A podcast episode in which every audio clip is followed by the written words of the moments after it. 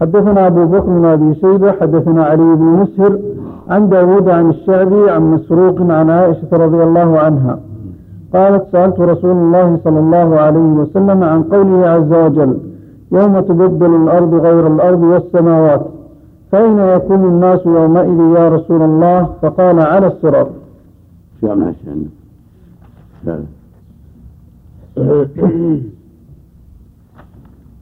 ما تكلم ربي عندك شيء من شيء يقول هنا قوله الآخر يوم تبدل الأرض غير لا على على أول ما تكلم علي هريرة ما تكلم عليه. النفاق لا لا أبو هريرة خلق الله. لا ما تعرض. تعرض لشيء مشكلة على يوم تبدل المشكلة يوم تبدل الأرض غير الأرض. فأين يكون الناس يومئذ فقال على الصراط قلت الحديث من الأخبار. عما من الإخبار عما لم يكن إن كان كيف يكون. والصراط يحتمل أنه الصراط المعروف ويحتمل أنه اسم اسم بموضع غيره يستقر الخلق عليه. وكأنه الأظهر للحديث المتقدم. وكأنه؟ وكأنه الأظهر للحديث المتقدم. وقد سألته عائشة أين يكون الناس يوم تبدل الأرض غير الأرض؟ قال هم في الظلمة دون الجسر والجسر الصراط. قال ابن عطية وروى الحديث وروي حديث أنه قال صلى الله عليه وسلم المؤمن في وقت التبديل في ظل العرش. وفي حديث آخر الناس وقت التبديل أضياف فلا يعجزهم ما لديه. الله أعلم. الله اعلم ظاهر القران أنها تبدل قبل أن يحشروا عليها. قبل أن يخرجوا من قبورهم. نفخ الصور وموت الناس تبدل الأرض. ثم إذا بعثوا بعثوا على أرض بيضاء. ليس فيها جبال ولا أشجار ولا يقول على الصراط في هذه الرواية يحتمل معاني مثل ما قال ربي يحتمل أن يكون موضع يسمى الصراط غير الصراط يمر الناس عليه. إن مرورهم على الصراط بعد الجزاء والحساب بعد مكثهم في الأرض حتى يشفع فيهم الشفعاء يشفع فيهم الشفعاء المقصود أن تفسير بالصراط المعروف الذي يمرون عليه. مرورهم على الصراط بعد النهاية من الموقف فيمر المسلمون على الصراط إلى الجنة. والكفار قد سقوا إلى النار. وغير مطابق ظاهر القرآن الكريم. هذا محل محل تأمل نعم. فالأقرب الله أعلم أن موضع غير الصراط الذي هو الجسر على جهنم. نعم. حدثنا عبد الملك بن شعيب بن الليث حدثني أبي عن جدي حدثني خالد بن يزيد عن سعيد بن أبي بلال عن زيد بن أسلم عن عطاء بن يسار عن أبي سعيد الخدري رضي الله عنه عن رسول الله صلى الله عليه وسلم قال تكون الأرض يوم القيامة خبزة واحدة يكفأها الجبار بيده كما يكفأ أحدكم خبزته في السفر نزلا لأهل الجنة. قال نعم. قال فأتى رجل من اليهود فقال بارك الرحمن عليك أبا القاسم ألا أخبرك بنزل أهل الجنة يوم القيامة؟ قال بلى. قال تكون الأرض خبزة واحدة كما قال رسول الله صلى الله عليه وسلم.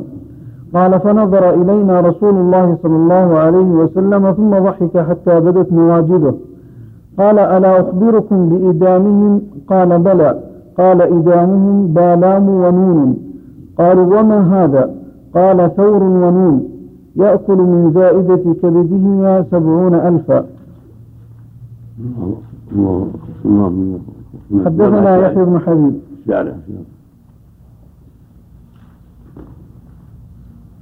أما النزل فبضم النون والزاي ويجوز إسكان الزاي وهو ما يعد للضيف عند نزوله. وأما الخبزة فبضم الخاء. قال أهل اللغة هي الظلمة التي توضع هي الظلمة التي توضع في الملة. هي الظلمة التي توضع في الملة. ظلمة. نعم. ظلمة. نعم. مكتوب كذا. مش بعده ويكفأها بالهمزة وروي في غير مسلم يتكفأها بالهمزة أيضا. وخبزة المسافر هي التي يجعلها في الملة ويتكفأها بيديه أي يميلها من يد إلى يد حتى تجتمع وتستوي. لأنها ليست منبسطة كالرقاقة ونحوها. وقد سبق الكلام في اليد في حق الله تعالى وتأويلها قريبا مع القطع باستحالة الجارحة. ليس كمثله شيء. ومعنى الحديث أن الله تعالى يجعل الأرض كالظلمة والرغيف العظيم ويكون ذلك طعاما نزلا لأهل الجنة. والله على كل شيء قدير. قوله إدامهم بالام ونون قالوا وما هذا؟ قال ثور ونون. يأكل من زائدة كبدها سبعون ألفا. أما النون فهو الحون باتفاق العلماء. الحوت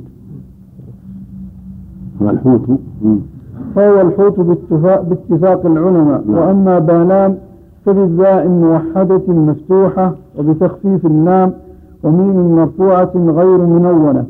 وفي معناها أقوال مضطربة. الصحيح منها الذي اختاره القاضي وغيره من المحققين أنها لفظة عبرانية معناها بالعبرانية ثور.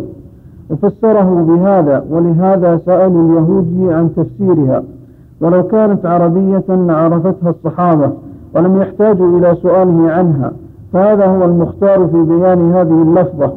وقال الخطابي لعل اليهودي أراد التعنية عليهم. والأب قال شيء؟ على هذا. خبزة واحدة.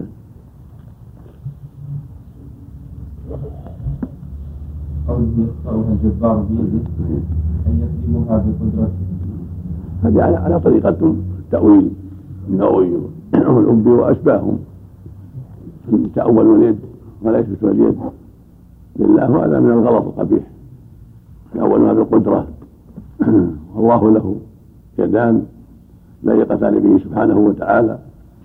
يقول بهما ويعطي وليستا كائد المخلوقين ولا حاجة إلى التأويل بالقدرة أو بالقوة كل هذا غلط. خلاف أهل السنة والجماعة نسأل الله السلامة. نعم. نعم.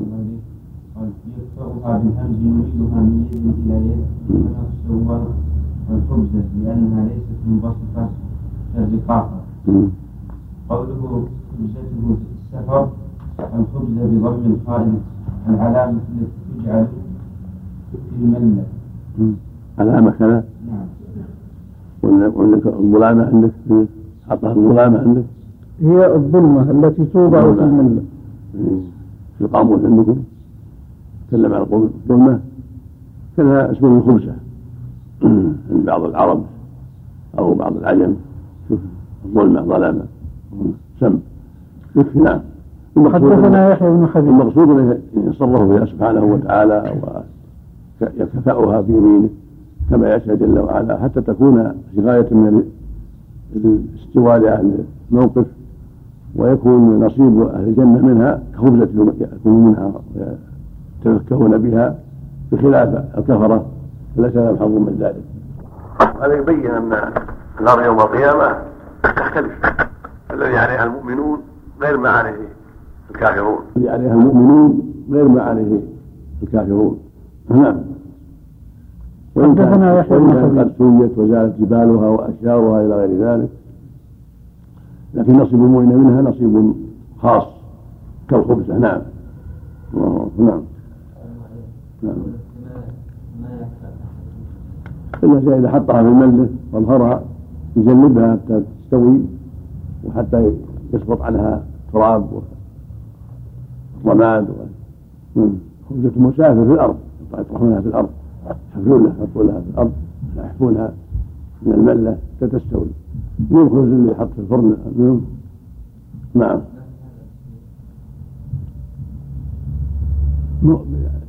في هذه على وجه به سبحانه وتعالى. بس جنس التكفئة. وليس معناها التمثيل نعم. لا كل الناس يحشرون مبصرين كلهم. نعم. لكن يوم القيامة يشاق الكافر نسأل الله العافية. عقوبة نسأل الله العافية. نعم. حدثنا يحيى بن حبيب الحارثي حدثنا خالد بن الحارث حدثنا يعني قرة. له ألوان وله صفات. نعم.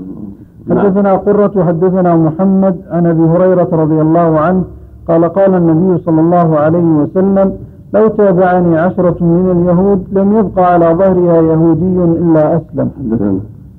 حدثنا يحيى بن حبيب الحارثي حدثنا خالد بن الحارث حدثنا قرة وحدثنا محمد عن أبي هريرة رضي الله عنه قال قال النبي صلى الله عليه وسلم لو تابعني عشرة من اليهود لم يبقى على ظهرها يهودي إلا أسلم.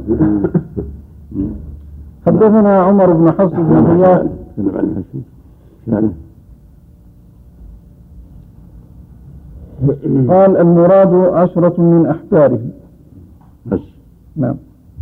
تكلم بريف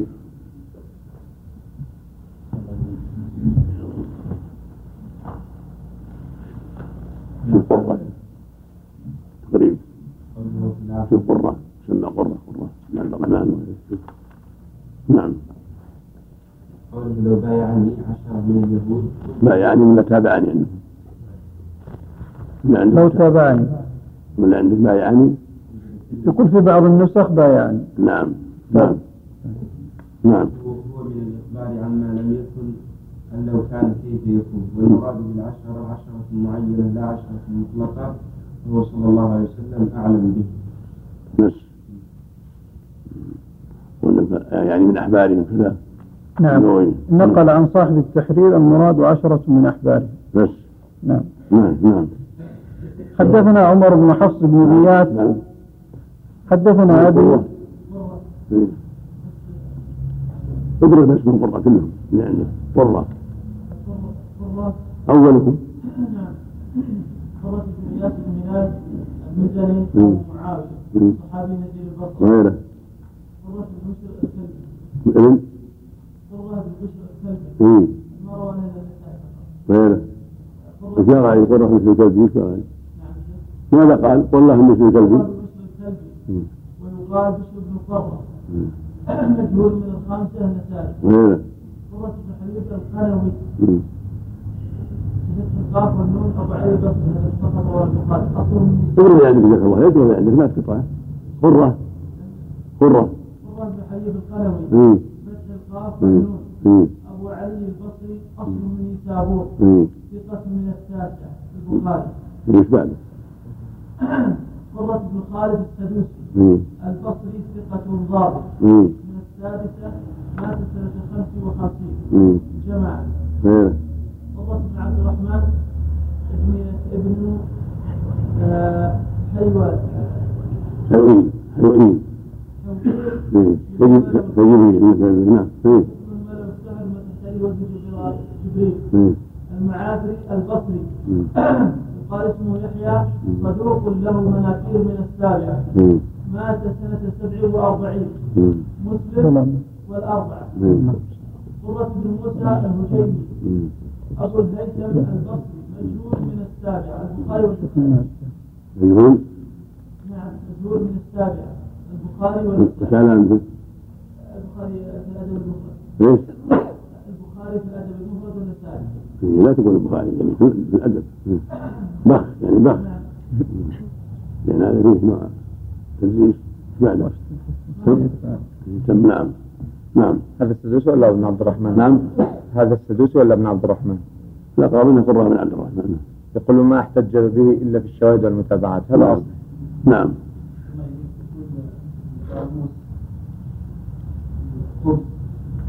الظلمة الظلمة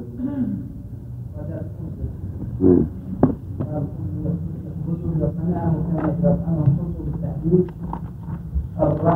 الرهل والمكان المنخفض من إلى الأرض لكن الظلامة الظلمة سبق ولا ظلمة ولا ظلامة. ولا نعم سم. حدثنا عمر بن حفص بن غياث حدثنا أبي حدثنا الأعمش حدثني إبراهيم عن علقمة عن عبد الله رضي الله عنه. قال بينما أنا أمشي مع النبي صلى الله عليه وسلم في حرث وهو متكئ على عسير. إذ مر بنفر من اليهود فقال بعضهم لبعض صلوه عن الروح. فقالوا ما رابكم إليه؟ لا يستقبلكم بشيء تكرهونه. فقالوا سلوه فقام إليه بعضهم فسأله عن الروح. قال فأسكت النبي صلى الله عليه وسلم فلم يرد عليه شيئا. فعلمت أنه يوحى إليه. قال فقمت مكاني فلما نزل الوحي قال ويسألونك عن الروح قل الروح من أمر ربي وما أوتيت من العلم إلا قليلا. حدثنا أبو بكر بن أبي شيبة وأبو سعيد الناشد قال حدثنا وكيع حان وحدثنا إسحاق بن إبراهيم الحنظلي وعلي بن خشرم قال أخبرنا عيسى بن يونس كلاهما عن الأعمش عن إبراهيم عن علقمة عن عبد الله رضي الله عنه قال كنت أمشي مع النبي صلى الله عليه وسلم في حرف بالمدينة بنحو حديث حفص غير أن في حديث وكيع وما أوتيتم من العلم إلا قليلا وفي حديث عيسى بن يونس وما أوتوا من رواية ابن خشرم. حدثنا أبو سعيد الأشج قال سمعت عبد الله بن إدريس يقول سمعت الأعمش يرويه عن عبد الله بن مرة عن مسروق عن عبد الله رضي الله عنه قال كان النبي صلى الله عليه وسلم في نخل يتوكأ على عسيب ثم ذكر نحو حديثهم عن الأعمش وقال في روايته وما أوتيتم من العلم إلا قليلا. حدثنا أبو بكر بن أبي شيبة وعبد الله بن سعيد بن أشج واللفظ لعبد الله. قال حدثنا وكيع. حدثنا الأعمش عن أبي الضحى عن مسروق عن خباب رضي الله عنه قال كان لي على العاص بن وائل دين. حديث لو لو تابعني من عن عن مسعود صحابي. لو تابعني اسمه أبو هريرة. من هريرة؟ نعم. عن أبي هريرة. أعيد سنده. حدثنا يحيى بن حبيب الحارثي حدثنا خالد بن الحارث حدثنا قرة حدثنا محمد عن أبي هريرة رضي الله عنه. نعم شيخ حفظك الله. نعم. مع التقريب آه، يبدو أن خالد قرة بن خالد السدوسي لأنه قال روى عن محمد وهو ابن سيرين. آه، روى عن آه، محمد نعم وظاهر بن سيرين وعنه خالد بن الحارث. هو اللي روى عنه. هنا نعم. ابن عندك- ما ينضبط الرواية عندك على شيء؟ إيه، التقريب نعم. نعم. في, في, التهذيب شنو؟ قرة بن خالد السدوسي أبو خالد ويقال أبو محمد البصري. اي روى عن أبي رجاء العطاردي وحميد بن هلال. روى. عن أبي رجاء العطاردي وحميد بن هلال. ومحمد بن سيرين والحسن عبد آه، والحسن وعبد الحميد بن جبير بن شيبة. وعمرو بن دينار وعبد الملك بن عمير. وذكر عدة رواة. قال وعنه شعبة وهو من أقرانه ويحيى بن سعيد وابن مهدي وخالد بن الحارث وأبو داود الطيالسي. بنيانا خالد بن حارث أي نعم اللي عندنا خالد بن الحارث. نعم اي فعلا. وعد الرواة عنه بقية. نعم فعلا. وأبو بعد ما عد. الرواة. نعم. بعد ما عد الرواة اسلام الكلام فيه؟ بعد ما أخبر عن الرواة عنه. أي نعم. إيه. قال قال صالح بن أحمد عن علي بن المديني عن يحيى بن سعيد كان قرة عندنا من أثبت شيوخنا. وقال عبد الله بن أحمد سألت أبي عن قرة وعمران بن حدير فقال ما فيهما إلا ثقة. وقال سئل أبي عن قرة وأبي خلدة فقال قرة فوقه وهو دون حبيب بن الشهيد. قيل له قرة والقاسم بن الفضل قال ما أقربه منه. وقال مرة ثقة. وقال إسحاق بن منصور عن ابن معين ثقة. وقال ابن أبي حاتم قرة أحب إلي من جرير بن حازم ومن أبي خلدة. وقرة ثبت عندي. وقال ابن أبي حاتم سئل أبو مسعود الرازي قرة أثبت عندك أو حسين المعلم؟ فقال قرة وقال الأجوري ذكر أبو داود قرة فرفع من شأنه. وقال أيضا سألت أبا داود عنه وعن الصعق بن حزم. فقال قرة فوقه. وقال النسائي ثقة. وذكر ابن حبان في الثقات. قال أبو نعيم مات سنة نيف وسبعين ومائة. وقال غيره مات سنة أربع وخمسين ومائة. قلت وهو قول ابن حبان في الثقات وزاد كان متقنا. وكذا أرخه خليفة في تاريخه وقال في الطبقات مات سنة خمس وخمسين وقال ابن سعد كان ثقة. وقال الطحاوي ثبت متقن ضابط. قرة بن خالد السدوسي. نعم قل بن خالد السدوسي البصري أبو محمد. قرة بن عبد الرحمن بعده. نعم بعد على طول. في قرة بن عبد الرحمن؟ قرة بن عبد الرحمن بن حيوئيل ابن ناشرة ابن عبد بن عامر بن أيم بن الحارث الكتعي ابن مالك بن عمرو بن يعفر المعفري وقال ابن حيوئيل أبو محمد المصري. يقال إنه مدني الأصل روى عن الزهري وأبي الزبير وربيعة وعامر بن يحيى المعافري ويحيى بن سعيد الأنصاري وغيرهم. وعنه ذكر- ما ذكر الأوزاعي محمد؟ نعم. ما ذكر محمد؟ ما ذكر محمد. وعنه؟ إلا إلا أن يكون الزهري ولكن الزهري ما روى عن أبي هريرة. نعم. نعم.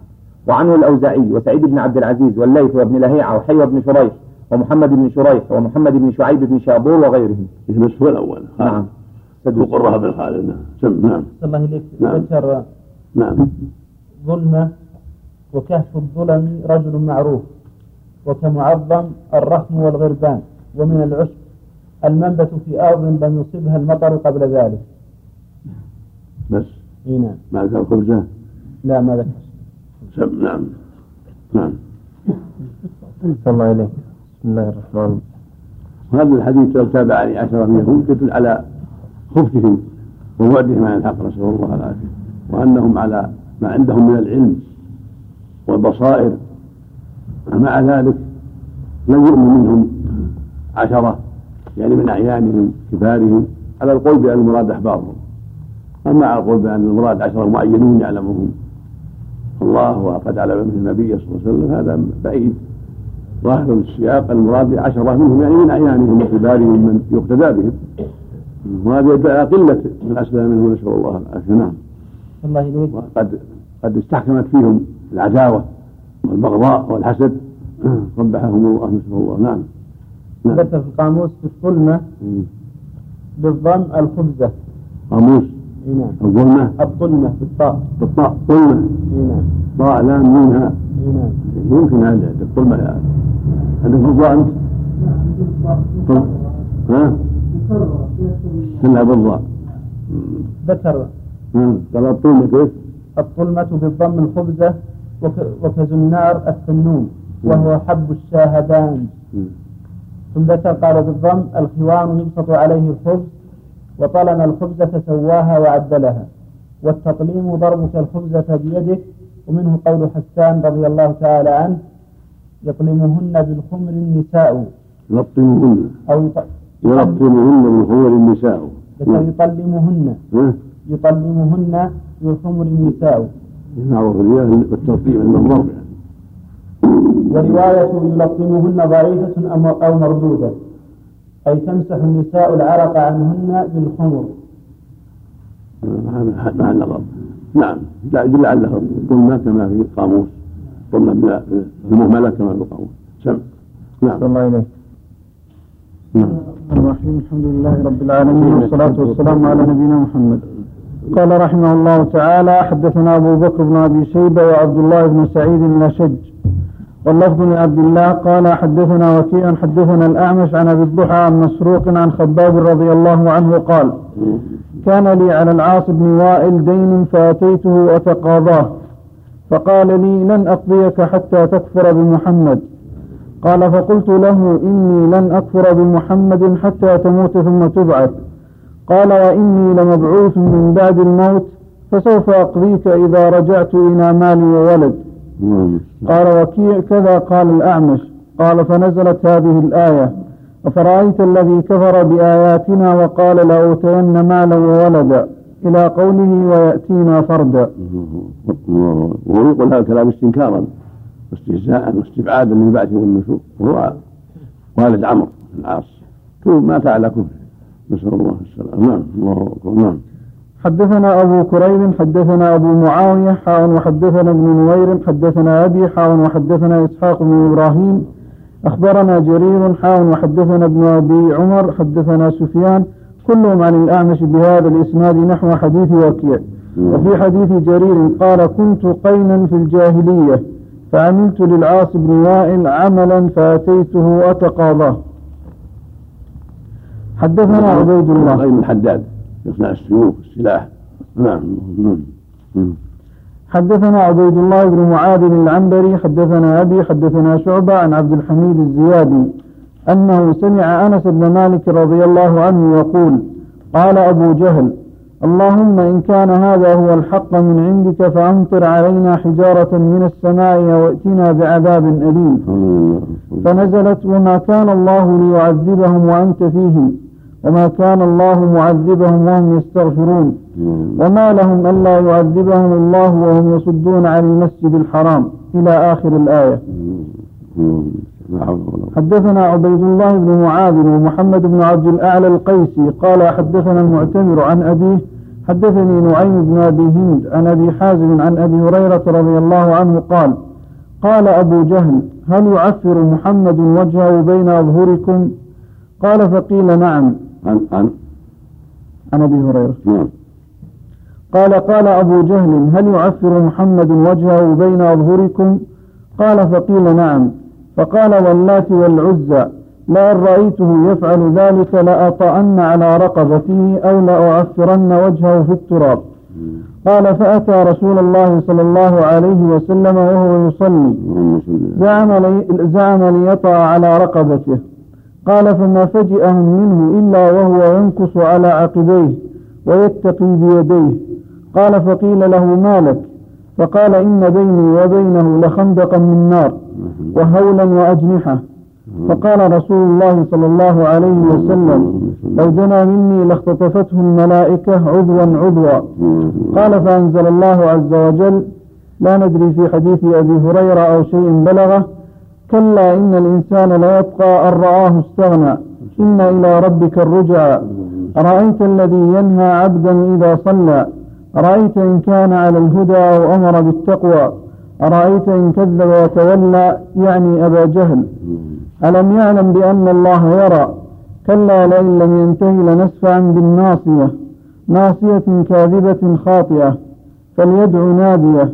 سندعو الزبانية. كلا لا تطعه زاد عبيد الله في حديثه قال وأمره بما أمره به وزاد ابن عبد الأعلى فليدع ناديه يعني قومه. وهذا من حماية الله النبي صلى الله عليه وسلم لأن الله حماه وكفاه شرهم حتى بلغ رسالات ربه عليه الصلاة والسلام. وقد تقتضي حكمة الله عز وجل أن ينالوا النبي بعض السوء ليعلم الناس بأنه بشر وأنه لا يدفع عن نفسه إلا ما دفع الله عنه. ولهذا وقع لهم منه بعض الشيء في بعض الأحيان. ونالوا منه بعض الشيء في بعض الأحيان لحكمة بالغة كما وقع يوم أحد وكما وقع في غير ذلك. وكما قتل بعض الأنبياء عليهم الصلاة والسلام. وهي عبادة العبر يريهم العبر في حماية أنبيائه وتأييده لهم وفي ما يبتليهم به سبحانه وتعالى. وهذا مما رواه أبو هريرة عن, عن غيره لأنه لم يدرك مقام النبي في مكة عليه الصلاة والسلام وإنما أسلم عام خيبر. لكن جملة من الأحاديث يرويها بواسطة الصحابة عن غيره من الصحابة. رضي الله عنه نعم. حدثنا إسحاق بن إبراهيم أخبرنا جرير عن منصور عن أبي الضحى عن مسروق قال كنا عند عبد الله رضي الله عنه جلوسا وهو مضطجع بيننا. فأتاه رجل فقال يا أبا عبد الرحمن إن قاصا عند أبواب كندة يقص ويزعم أن آية الدخان تجيء. فتأخذ بأنفاس الكفار ويأخذ المؤمنين منه كهيئة الزكام. فقال عبد الله رضي الله عنه وجلس وهو غضبان يا أيها الناس اتقوا الله. من علم منكم شيئا فليقل بما يعلم ومن لم يعلم فليقل الله أعلم. فإنه أعلم لأحدكم أن يقول لما لا يعلم الله أعلم.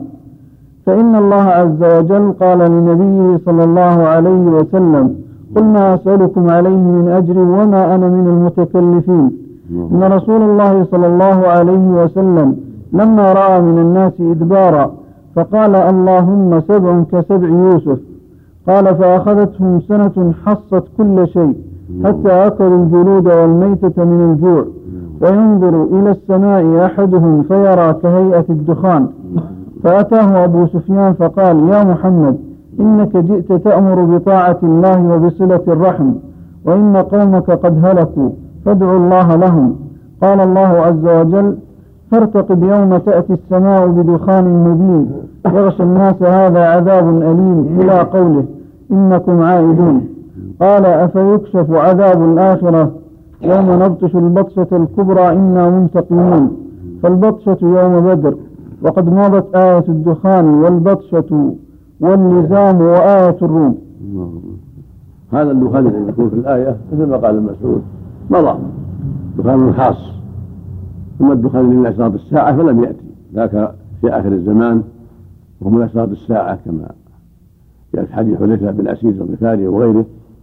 ومن العشر الآيات التي تكون قريبة من قيام الساعة. دخان يغشى الناس يحصل به الشدة على الكفار. ويأخذ منه مسلم يأخذ المسلم منه مثل الزكام هذا يقع في آخر الزمان وهو من أشراط الساعة. أما المذكور في الآية الدخان هو ما أصابهم من الشدة والجد والقحط. حتى حصل لهم ما حصل. نعم ثم كشف عنهم بما أرسل الله من الغيث. نعم. اللهم حدثنا أبو بكر بن أبي شيبة حدثنا أبو معاوية وهذه النصيحة من عبد الله مسعود نصيحة عظيمة. هذا الواجب على المسلم أن يقول بما يعلم وأن يحذر القول على الله بغير علم. فإن خير له وأفضل له أن يقول لما لا يعلم الله أعلم ولا يتكلم. إن كان عنده علم من كلام الله وكلام الرسول يتكلم وإلا سكت. وقال لا أدري قال الله أعلم ولا يقول بغير علم. فإن ذلك من أعظم الجرائم. وجعل الله رتبة القول عليه بغير علم فوق رتبة الشرك لما فيها من الخطر العظيم. وقال سبحانه أنه مما يأمر بالشيطان فوصف الشيطان بقوله إنه يأمركم بالسوء والفحشاء وأن تقولوا على الله ما لا تعلمون. نعم. حدثنا أبو بكر بن أبي شيبة حدثنا أبو معاوية ووكيع حان وحدثني أبو سعيد بن أشج أخبرنا وكيع. حان وحدثنا عثمان بن أبي شيبة حدثنا جرير كلهم عن الأعمش. حان وحدثني يحيى بن يحيى وأبو كريب واللفظ ليحيى قال حدثنا أبو معاوية عن الأعمش عن مسلم بن صبيح عن مسروق قال جاء إلى عبد الله رضي الله عنه رجل فقال تركت في المسجد رجلا يفسر القرآن برأيه. يفسر هذه الآية يوم تأتي السماء بدخان مبين. قال يأتي الناس يوم القيامة دخان فيأخذ بأنفاسهم حتى يأخذهم منه كهيئة الزكام. فقال عبد الله رضي الله عنه من علم علما فليقل به ومن لم يعلم فليقل الله أعلم. فإن من فقه الرجل أن يقول لما لا علم له به الله أعلم. إنما كان هذا أن قريشا لما استعصت على النبي صلى الله عليه وسلم دعا عليهم بسنين كسنين يوسف فأصابهم قحط وجهد حتى جعل الرجل ينظر إلى السماء فيرى بينه وبينها كهيئة الدخان من الجهد وحتى أكلوا العظام. فأتى النبي صلى الله عليه وسلم رجل فقال يا رسول الله استغفر الله لمضر فإنهم قد هلكوا. فقال لمضر إنك لجريء. قال فدع الله لهم. قال فدعا الله لهم فأنزل الله عز وجل إنا كاشف العذاب قليلا إنكم عائدون قال فمطروا. فلما أصابتهم الرفاهية قال عادوا إلى ما كانوا عليه. قال فأنزل الله عز وجل فارتقب يوم تأتي السماء بدخان مبين يغشى الناس هذا عذاب أليم يوم نبطش البطشة الكبرى إنا منتقمون. قال يعني يوم بدر. حدثنا قتيبة بن سعيد حدثنا جرير عن الأعمش عن أبي الضحى عن مسروق عن عبد الله رضي الله عنه قال خمس قد مضين الدخان واللزام والروم والبطشة والقمر. القمر انشقاق القمر. الروم غلبت الروم في أن ارضهم بعد قال سيغلبون كذلك وقع. واللزام العذاب ما أصابهم من عذاب يوم بدر.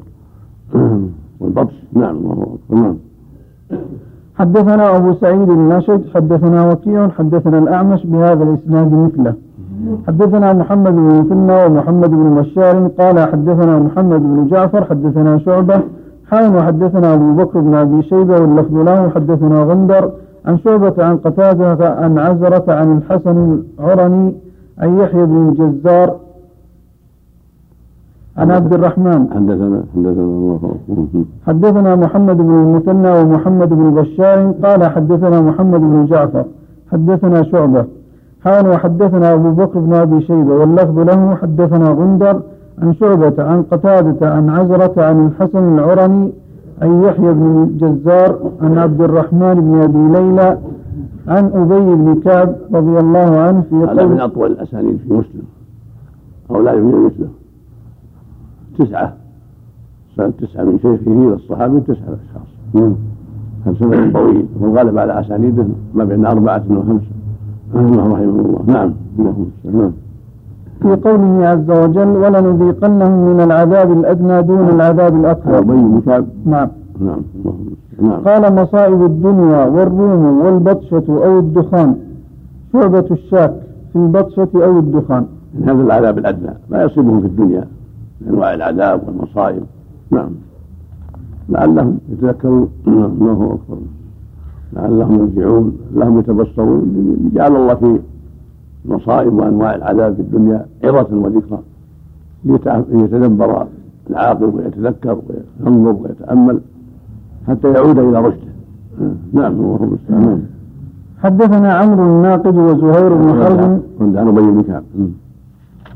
عن أبي بن كعب رضي الله عنه في قوله عز وجل ولنذيقنهم من العذاب الأدنى دون العذاب الأكبر. قال مصائب الدنيا والروم والبطشة أو الدخان شعبة الشاك في البطشة أو الدخان. الله نعم. حدثنا عمرو الناقد وزهير بن حرب قال حدثنا سفيان بن عيينة عن ابن أبي نجيح عن مجاهد عن أبي معمر عن عبد الله رضي الله عنه قال انشق القمر على عهد رسول الله صلى الله عليه وسلم بشقتين فقال رسول الله صلى الله عليه وسلم اشهدوا. اللهم صل على حدثنا أبو بكر بن الساعة شيبة. وانشق القمر من آيات الله على ما صدق رسوله عليه الصلاة والسلام. نعم. الله أكبر. نعم. حدثنا أبو بكر بن أبي شيبة وأبو كريب وإسحاق بن إبراهيم جميعا عن أبي معاوية. حاول وحدثنا عمر بن حفص بن غياث. حدثنا أبي كلاهما عن الأعمش. حاول وحدثنا من جابر بن الحارث التميمي. واللفظ له أخبرنا ابن مسهر عن الأعمش عن إبراهيم عن أبي معمر. عن عبد الله بن مسعود رضي الله عنه قال بينما نحن مع رسول الله صلى الله عليه وسلم بمنى إذا انفلق القمر فلقتين فكانت فلقة وراء الجبل وفلقة دونه. فقال من رسول الله صلى الله عليه وسلم اشهدوا. حدثنا عبيد الله بن معاذ العنبري حدثنا أبي حدثنا شعبة عن الأعمش عن إبراهيم عن أبي معمر عن عبد الله بن مسعود رضي الله عنه قال انشق القمر على عهد رسول الله صلى الله عليه وسلم فلقتين. فستر الجبل فلقة وكانت فلقة فوق الجبل. فقال رسول الله صلى الله عليه وسلم اللهم اشهد. حدثنا عبيد الله بن معاذ حدثنا أبي حدثنا شعبة عن الأعمش عن مجاهد عن ابن عمر رضي الله عنهما عن النبي صلى الله عليه وسلم مثل ذلك. وحدثني بشر بن خالد أخبرنا محمد بن جعفر حاون وحدثنا محمد بن بشار حدثنا ابن أبي عدي كلاهما عن شعبة بإسناد ابن معاذ عن شعبة نحو حديثه غير أن في حديث ابن أبي عدي فقال اشهدوا اشهدوا. اللهم إشهاد الله أو اللهم اشهدوا في هل يدل على أنهم هم الذين طلبوا انشقاق القمر وقع يؤخذ من غير هاللفظ ما هو ظاهر من هاللفظ لكن يؤخذ من غير هاللفظ نعم. طلبهم يؤخذ من الأدلة الأخرى. نعم. حدثني زهير بن حرب وعبد بن حميد قال حدثنا يونس بن محمد حدثنا شيبان حدثنا قتادة عن أنس رضي الله عنه أن أهل مكة سألوا رسول الله صلى الله عليه وسلم أن يريهم آية فأراهم انشقاق القمر انشقاق القمر مرتين. وحدثني محمد بن رافع حدثنا عبد الرزاق أخبرنا معمر عن قتادة عن أنس رضي الله عنه بمعنى حديث شيبان. وحدثنا محمد بن مثنى حدثنا محمد بن جعفر وأبو داود.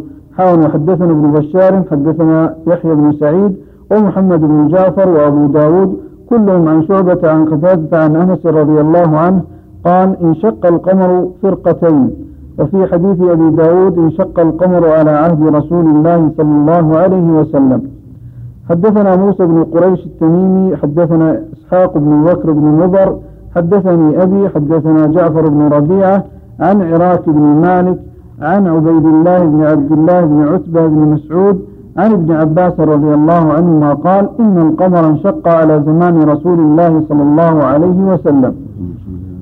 حدثنا أبو بكر بن أبي شيبة حدثنا أبو معاوية وأبو أسامة عن الأعمش عن سعيد بن جبير عن أبي عبد الرحمن السلمي عن أبي موسى رضي الله عنه قال قال رسول الله صلى الله عليه وسلم لا أحد أصبر على أذى يسمعه من الله عز وجل. فعل هذه ابي موسى سلم الله يرحمه الله نعم فعل مرتين. ولا ما تكلم فسرها بالروايه الاخرى فرقت فرقتين كلمتين أو الاب آخر حديث أنس مم. قوله مرتين وصيام في عهد رسول الله صلى الله عليه وسلم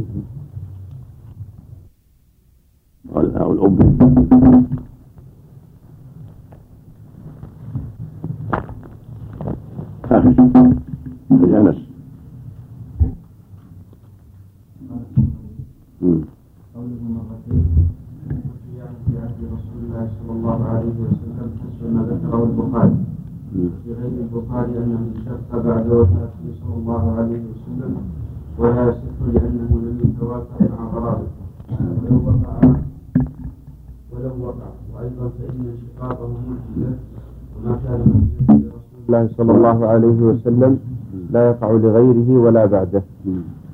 بس ما تكلم عن مرتين هو زائد ما. لو وقع ولو وقع. يعني قال كذا في البخاري يدل على. في النفسي ما تكلم فيه. نعم. يوصل معنى مرتين فرقتين كما الروايات الاخرى عنه نعم. نعم. قال رحمه الله تعالى وقد من الله في كتابه من يرتد ويفتتن ولو اكره وهذا هو.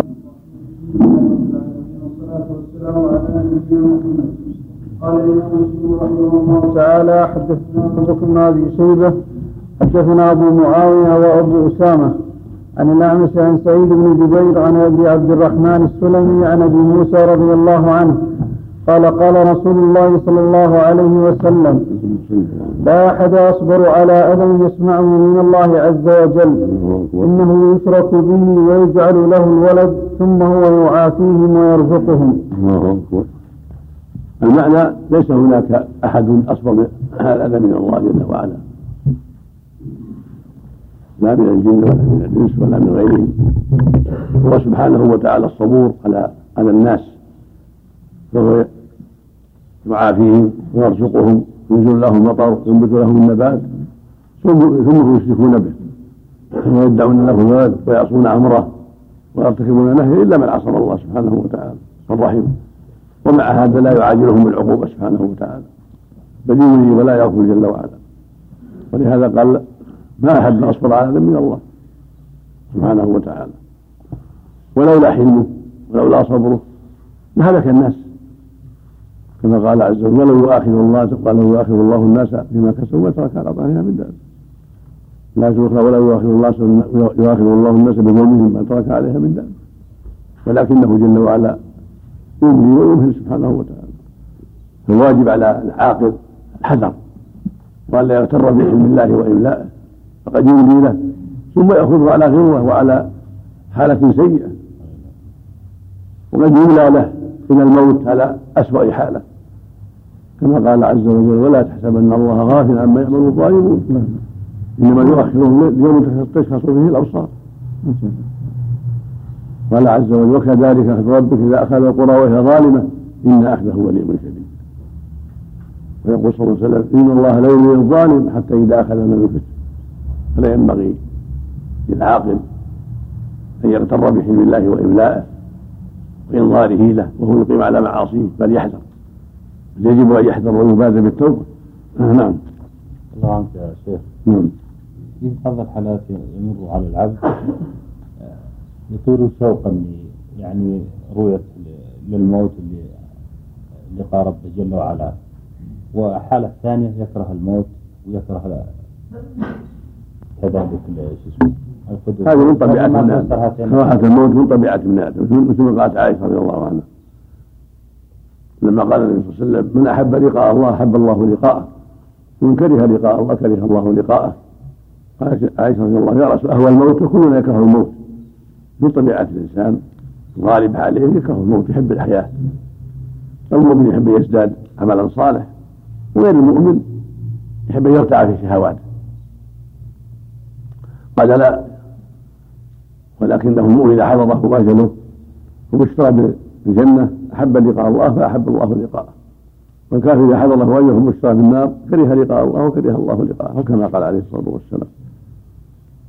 فإذا وقع في قلب الإنسان بعض الأحيان اشتياق إلى الموت ليلقى ربه لما وقع في قلبه من حسن الظن بالله والشوق إلى لقائه والرغبة فيما عنده ولما يشاهد في الدنيا من الشر والبلاء والفساد والخطر هذا قد يقع للمؤمن ولكن مع هذا كله لا يجوز له. يطلب الموت ولا يتمنى الموت. كما في الأحاديث الصحيحة النهي عن ذلك. ولكن هذا من رحمة الله له ومما يعجله الله له من اللذة والسرور والنعيم. نعم. ما أعرف في شيء أنا ما أتذكر والله في شيء نعم. لكن في المعنى أنه صبر لكن يعد في الأسماء الحسنى هذا يحتاج إلى دليل يحتاج إلى حديث. الباب واحد السؤال كلها بالتوقيف. لا بالرأي لا تثبت لله إلا بالتوقيف والأسماء الحسنى كذلك. نعم.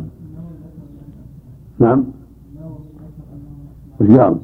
القاضي والصبور من أسماء الله تعالى. وهو الذي لا يعادل اصحاب يحتاج إلى دليل أو يحتاج إلى دليل. يحتاج إلى أحاديث صحيح نعم. نعم. حدثنا محمد بن عبد الله بن نمير وأبو سعيد بن الاشج قال حدثنا وكيع حدثنا الأعمش. حدثنا سعيد بن جبير عن أبي عبد الرحمن السلمي عن أبي موسى رضي